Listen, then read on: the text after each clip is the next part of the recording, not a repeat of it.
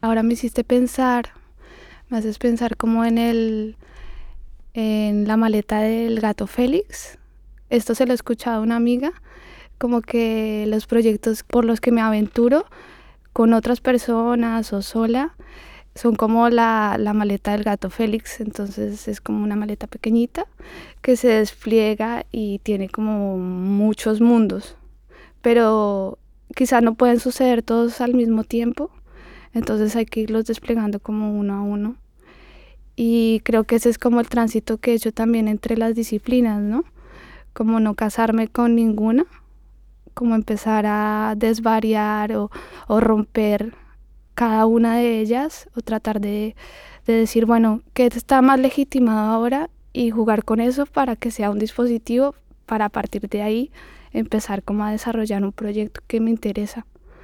Entonces, por ejemplo, cuando en Colombia se volvió de moda el arte sonoro, todo el mundo quería hacer arte sonoro, entonces me pareció también como un momento para decir, ah, bueno, yo también eh, me enamoro del sonido, pero qué tal si el arte sonoro, por ejemplo, puede ser político, ¿no?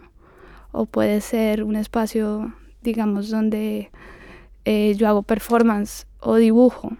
Entonces ese es como más que un tránsito, como una maleta que lleva, que carga cosas, es como una maleta que conecta a otras maletas. Y luego a nivel biográfico, pues claro que emigrar siempre hace parte como de, de ese viaje también, ¿no? De ese viaje como de obra inacabada, un poco, ¿no?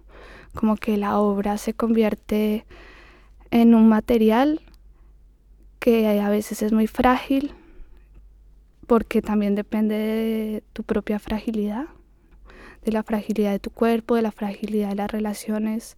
Entonces, esa fragilidad un poco se va cargando, se va poniendo como en el cuerpo y va haciendo parte de los de otros proyectos, pero realmente lo que estás haciendo es reciclar. Cuando no tienes tantas cosas para trabajar, lo que haces es como agarrar lo que tienes más cerca y hacer un reciclaje constante, como en ese mismo, mismo viaje migratorio, ¿no? Como en esa misma pues esencia de lo que no de lo que no permanece y de lo que te hace más vulnerable.